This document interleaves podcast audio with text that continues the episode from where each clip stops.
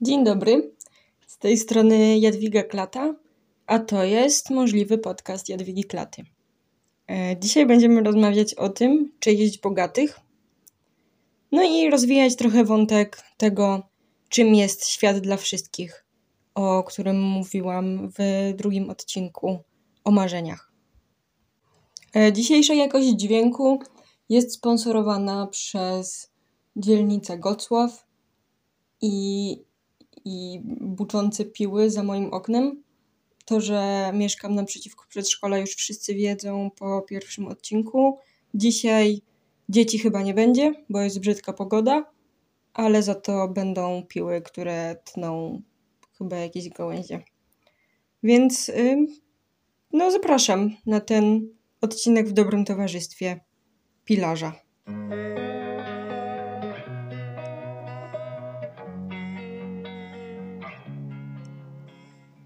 Jeśli nie wiesz o co chodzi, e, z tym, że mówię, że, będziemy rozmawiać o tym, czy jeść bogatych, e, to już spieszę z wyjaśnieniem.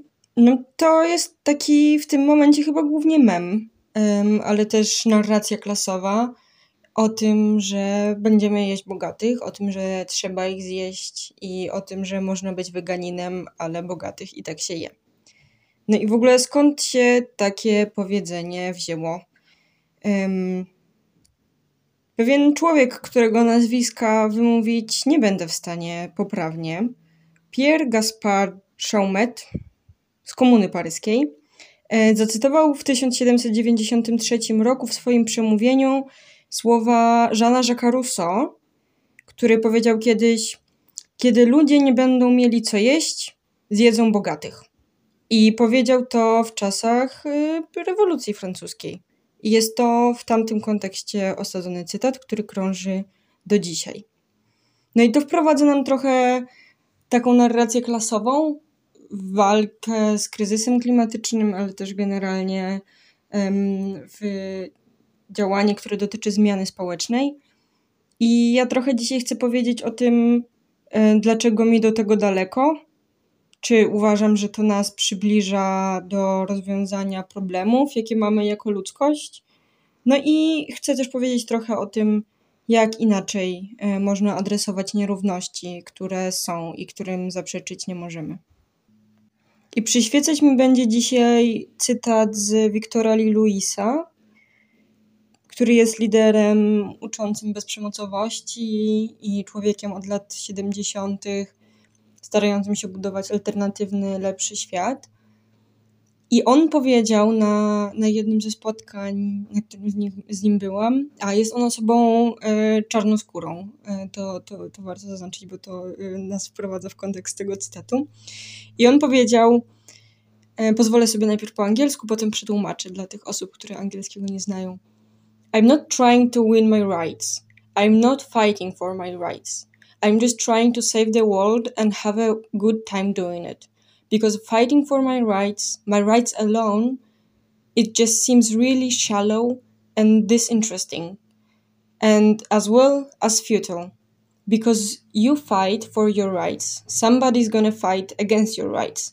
If you fight for the whole world, eventually the world is going to have to line up with that or will die anyway. But I think the best shot and the most rationally irrational thing to do is to go hardcore on saving and serving the whole world and investing all of our free energy in the common good. All of it. No więc Wiktor powiedział, że on nie stara się walczyć o swoje prawa i, i wygrać swoich praw, um, tylko stara się ocalić cały świat i się dobrze przy tym bawić, ponieważ kiedy ty walczysz o swoje prawa i tylko o swoje prawa, to według niego jest trochę płytkie i mało interesujące i też skazane na porażkę, ponieważ ty walczysz o swoje prawa, a ktoś inny będzie walczył przeciwko tym prawom. Mm, a kiedy walczysz o cały świat, no to koniec końców albo cały świat będzie za tobą, albo umrze. No i według e, Luisa rzecz najbardziej, irracjo- najbardziej irracjonalna, racjonalna rzecz, którą możemy zrobić, to jest hardkorowe podejście do sprawy i ratowanie i służenie całemu światu i inwestowanie całej swojej energii w dobro wspólne. I to całej energii. I mi się to kojarzy um, z taką anegdotą a propos tego, tej walki, tej walki, że ktoś walczy o twoje, ty, ty walczysz o swoje prawa, ktoś będzie walczył przeciwko nim, ponieważ miałam okazję jakiś czas temu jechać tym samym samochodem z osobą, która jest we wspólnocie chrześcijańskiej, jest, jest konserwatywna i się rozmawialiśmy o tym, co robimy w życiu. No i kiedy ta osoba usłyszała, że ja się zajmuję zmianą społeczną, że jestem aktywistką klimatyczną, no to ym, ten, ten pan powiedział do mnie, że a no tak, zmiana społeczna to jest taka ważna rzecz i, i że super też, że to robisz, ale że właśnie też widać, jak dużo to zajmuje czasu i bardzo dużo osób traci nadzieję zanim w ogóle cokolwiek się osiągnie. No i wiecie, w mojej głowie sobie myślę, no tak, tak, on ma rację, kurde, naprawdę. E, po czym, e, po czym ten pan przywołuje przykład, no bo teraz na przykład dopiero w Stanach Zjednoczonych udało nam się przekonać wszystkich, że aborcja to jest morderstwo i jakieś barbarzyństwo, a tak długo po prostu ludzie nie mogli tego zrozumieć. No więc to, to jest taki przykład a propos tego, jak, jak można walczyć o, o różne prawa. No ale to, co mnie w tym interesuje, w tym cytacie, no to, to jest takie wskazanie na to, że nowy świat, który chcemy budować, ma być dla wszystkich i tylko to jest skuteczne, bo kiedy się skupiamy na walczeniu między sobą, to tak naprawdę zostajemy tylko w tym jakimś starym paradygmacie. E, na przykład e, w, takiej duali, w takim dualistycznym spojrzeniu na prawo i lewo, liberalizm i konserwatyzm. No więc ja trochę biorę to sobie do serca i, i tak jak Wiktor staram się e, służyć całemu światu i właśnie wierzę w to, że ten świat, który chcę zbudować, jest dla wszystkich. I to jest świat bez podziałów, i to jest bardzo trudne, ale nie chcę też budować na nienawiści i zemście, bo to wyniszcza i to wyniszcza te osoby, które działają na rzecz takiego świata, no i tą drugą stronę też wyniszcza. Chcę też powiedzieć, że to jest ważne moim zdaniem, żeby o tym wspomnieć, że ja zdaję sobie sprawę z tego, jaki mam przywilej w tym. E, jako osoba, która się urodziła na globalnej północy, jako osoba, która ma duży kapitał kulturowy, jako osoba, która ma duży kapitał społeczny. No i nie ukrywam tego. Yy, I wiem, że mówię z pozycji przywileju o tym, że ja nie muszę walczyć o swoje prawa. W sensie czasem mam wrażenie, że muszę, na przykład o prawo do swojego ciała, ale chcę wychodzić trochę też z tej metafory walki, bo ona zawsze jest przeciwko komuś, a ja chcę budować i chcę zdobywać i chcę osiągać? Czy można osiągać prawo? Być może można. No więc ten świat dla mnie jest dla wszystkich, również dla bogatych. I o tym, jak, e, jak to może wyglądać, to pewnie powiem chwilę pod koniec.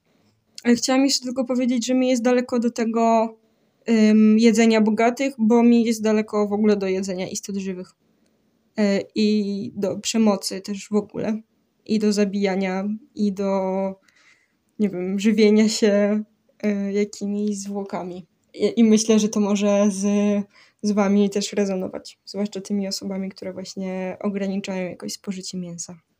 No i powiedziałam, że na, po, na, na początku, jak to wprowadzałam, to też powiedziałam, że chcę oprócz tego, że nakreślić, dlaczego mi do tego daleko i dlaczego ten, e, to jedzenie bogatych nie przybliża nas do świata, którego ja chcę, to chcę też powiedzieć trochę o tym, czy zjadanie bogatych i czy taka narracja mocno klasowa i narracja o odbieraniu komuś czegoś przybliża nas w ogóle do rozwiązania problemów. I najpierw może powiem trochę o tych problemach. No oczywiście dla mnie problemem naczelnym zawsze jest ym, katastrofa klimatyczna i ekologiczna No ale to też głęboko rozumiem. To znaczy są też te problemy, które, które są innymi symptomami jakiegoś oddzielenia ludzi od ludzi i człowieka od natury.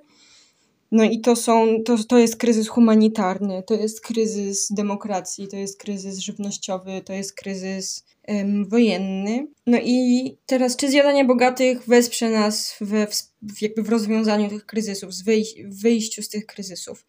Gdzieś ostatnio krążył taki mem o tym, że tam zjedzenie jednej bogatej osoby to tak naprawdę oszczędziłoby tyle CO2, ile tam ograniczanie lotów swoich przez ileś tam lat. I jeśli myślimy o tym, że, że rozwiązanie problemu kryzysu klimatycznego to jest zmniejszenie emisji, no to być może zjedzenie bogatych by nam pomogło. Tak. Tylko, że ten kryzys klimatyczny nie zostanie zatrzymany nawet przez gwałtowny spadek emisji. I to nie zatrzyma zmian, które zachodzą i zachodzić będą w biosferze i atmosferze, i też nie będą, nie zatrzymają zmian, które zachodzą i wtedy będą pewnie zachodzić jeszcze bardziej, jeszcze prędzej i jeszcze bardziej jakoś rewolucyjnie w społeczeństwie. No więc po pierwsze, obniżenie emisji nie rozwiąże wszystkich problemów, ponieważ już tyle wyemitowaliśmy tego tlenku węgla 4 i tyle zmian zaszło w biosferze, że i tak musimy sobie poradzić ze skutkami tego, co było dotychczas. No a druga rzecz to jest, to są konsekwencje społeczne, czyli ewentualne konsekwencje tego obniżenia emisji, no ale też konsekwencje społeczne tego, co już teraz zachodzi w naturze, kataklizmów, um, głodu, wojen i tak dalej. I odpowiedzią na to nie jest zjedzenie bogatych, tylko jest zbudowanie odpornego i współżyjącego ze światem przyrody społeczeństwa. Powtórzę to. Odpornego społeczeństwa, które współżyje też z tym światem natury. No i, i ta odporność na pewno nie polega na tym, że jedni zjadają drugich. I mi teraz nie chodzi o to, żeby um, pokazywać, że nie ma między nami różnic i że nie ma niesprawiedliwości i że jedni nie mają więcej, a inni mają mniej, bo tak jest. Tylko chodzi o to, żeby tych różnic i tych nierówności nie wykorzystywać jednym przeciwko drugim, żeby one nie służyły do antagonizowania. I tak ktoś może powiedzieć, że one i tak służą do, do jakiejś, nie wiem, jedny, do, do nastawiania jednych przeciwko drugim, ponieważ w tym momencie osoby bogate korzystają z tego braku przywilejów osób najbiedniejszych, albo osoby na globalnej północy korzystają z pracy niewolniczej osób na globalnym południu. Tak. Tylko jeśli chcemy z tego wyjść, to nie możemy tego robić na odwrót. Jeśli chcemy z tego wyjść, to potrzebujemy solidarności, jedności i zastanowienia się, jak możemy robić coś razem, tak żeby żadna osoba nie musiała być podległa drugiej osobie. No i to jest ten świat dla wszystkich dla mnie. Wtedy zastanawiamy się nad tym, jak zrobić świat dla wszystkich. I to wydaje się e, mało możliwe, no bo część osób ma teraz bardzo dużo, no a część osób ma teraz bardzo mało, i te osoby, które mają bardzo dużo, powiecie, nie będą chciały oddawać tego, co mają, wręcz chcą więcej. No i nie damy rady im tego dać. Między innymi ze względu na granice planetarne, no ale też ze względu na to, że chcemy żyć w jakiejś wspólnocie, a nie w tym, że właśnie jedni biorą od drugich. I tutaj propozycją na rozwiązanie tego problemu, że, e, że nie da się dla wszystkich, bo jedni mają za dużo, a drudzy mają mało i ci, co są za dużo, nie będą tego oddawać, jest przejście od tego, co ludzie chcą, do tego, co ludzie potrzebują. Od zasług do potrzeb.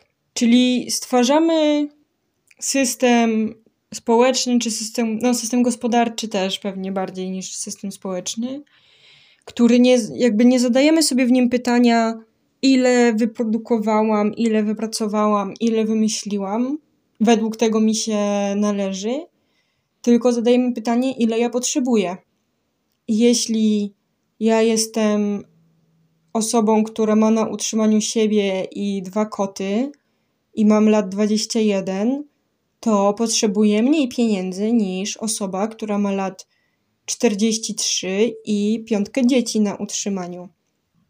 I wtedy nie zastanawiamy się, ile zasobów potrzebuje Elon Musk, żeby spełnić swoje marzenia, y, czy no tak, ile by chciał mieć fortuny, czy Jeff Bezos, tylko zastanawiamy się, ile panowie potrzebują. I to nie jest o tym, żeby zaspokoić tylko potrzeby pod tytułem dach nad głową i jedzenie, ale też potrzeby takie duchowe albo potrzeby społeczne. I o tym, jak to może wyglądać w praktyce, na pewno jeszcze będziemy trochę mówić.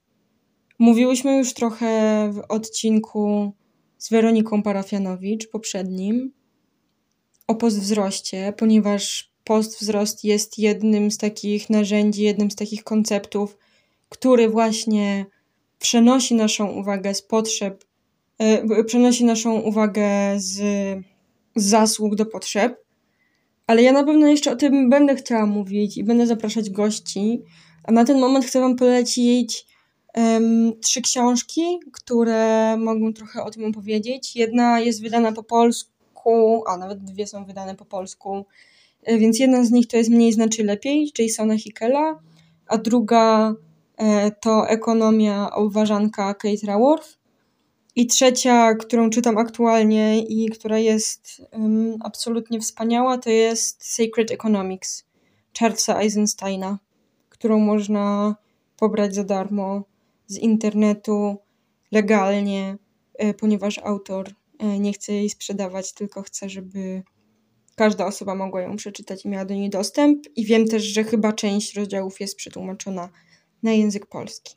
No dobrze, więc świat dla wszystkich, który bazuje na potrzebach. E, tutaj jeszcze wkrada się nam ten paradoks tego, że z jednej strony mówię, że planeta ma ograniczone zasoby i że nie możemy, nie wiem, na przykład dalej rosnąć, a z drugiej strony mówię, że dla wszystkich nas wystarczy i teraz jak tylko się skupimy na naszych potrzebach, to na pewno każdemu możemy dać tyle, ile będzie potrzebował, żeby żyć. Mm, I żeby jest pełna ta planeta obfitości, która, która może nas karmić.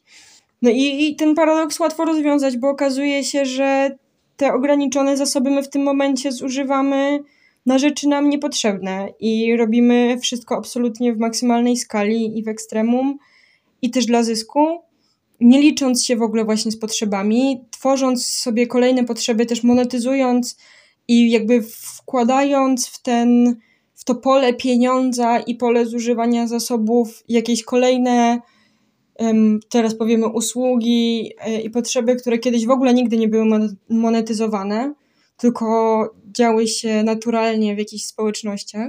Więc my po prostu sami, sami tworzymy sobie ten niedobór. I do tego wszystkiego też przez to, że pieniądze, które produkujemy są, są tak naprawdę długiem, no to tworzymy sztuczne złudzenie niedoboru, niedostatku i musimy cały, cały czas rosnąć, więc to, to się napędza i, I znowu tutaj chyba jeszcze Was odeślę do tego poprzedniego odcinka z Weroniką Parafianowicz, bo tam też trochę było o tym, jak, e, jak to jest, że pieniądze, sama ich emisja uzależnia nas od wzrostu gospodarczego. Ostatnia rzecz, o której chcę jeszcze dzisiaj powiedzieć, to jest to, jak inaczej adresować nierówności. Bo powiedziałam, że dla mnie fraza zjedzmy bogatych nie jest czymś, co przybliża mnie do, do lepszego świata, ale zakopywanie nierówności i niemówienie o nich również nie przybliża mnie do tego. I wierzę, że jeśli mówię, że coś nie jest, czegoś nie, uwa nie uważam za, um, za przydatne, to chcę Wam wskazać też coś, co może być i dać jakąś alternatywę. No więc po pierwsze mówię, wskazujmy odpowiedzialność. Wskazujmy odpowiedzialność osób, które głównie myślę tutaj o osobach są u władzy i które mają jakieś zobowiązanie polityczne, na przykład w stosunku do nas jako suwerennego narodu. I wskazujmy na to, że one na przykład tej odpowiedzialności swojej nie wypełniają i nas zawodzą. To jest o tym, żeby powiedzieć senatorze, senatorko, masz w swojej przysiędze, żeby służyć dobru mojemu, młodej osoby, młodej Polki. I teraz zezwalasz na to, żeby, żebym była narażona na śmierć, ponieważ odmówicie mi prawa do aborcji.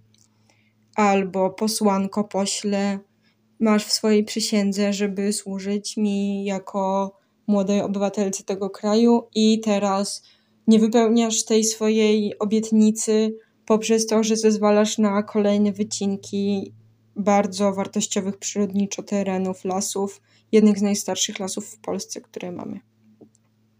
Więc to jest o takim pokazaniu, hej, tutaj powinieneś, powinnaś coś zrobić, tutaj masz jakiś zakres swojej odpowiedzialności prawny i nie robisz tego.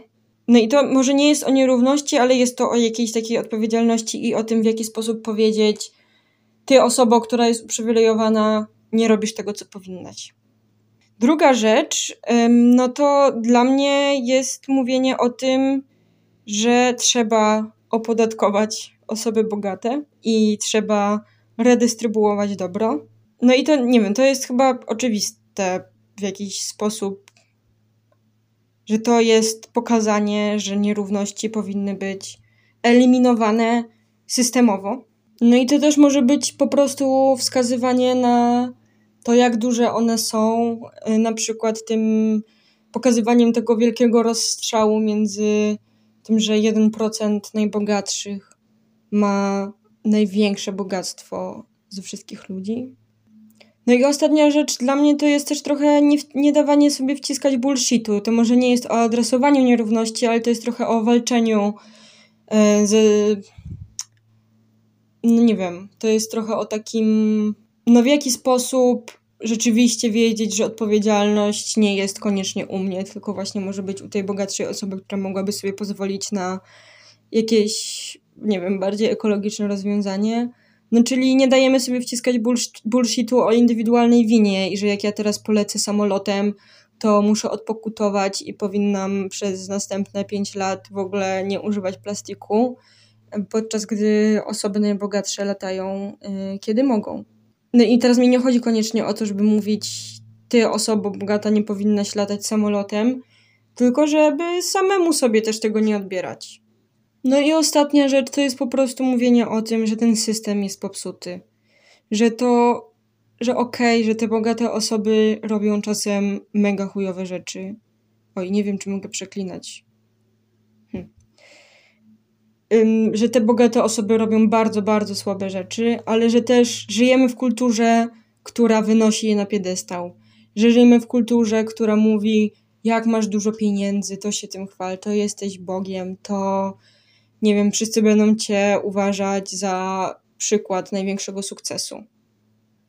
No i ym, że ten system też jest popsuty na tym poziomie wiecznego wzrostu i tego, że pieniądze możesz dostawać za samo posiadanie pieniędzy, które ci tam gdzieś rosną na koncie albo ze spekulacji.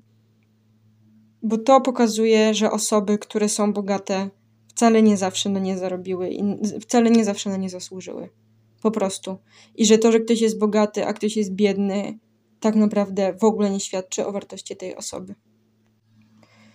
Uff, no to, to wszystko merytorycznie. Ja pozwolę sobie jeszcze powiedzieć na koniec, jak się czuję.